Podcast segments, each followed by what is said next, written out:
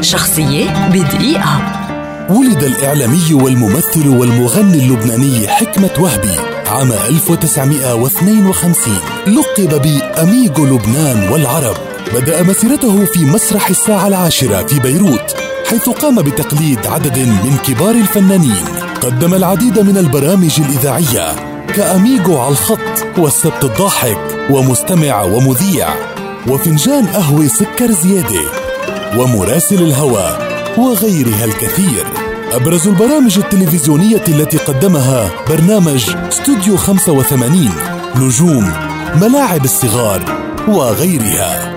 خاض الأميغو تجربة التمثيل في فيلمي آخر الصيف وحسناء وعمالقة وفي مسلسل وبقي الحب.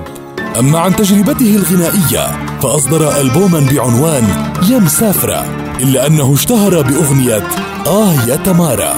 رحل حكمة وهبي عام 1992 وقد كان أول الإعلاميين العرب الذين يدخلون اللهجة العامية إلى الأثير في وقت كانت فيه العربية الفصحى هي اللغة السائدة.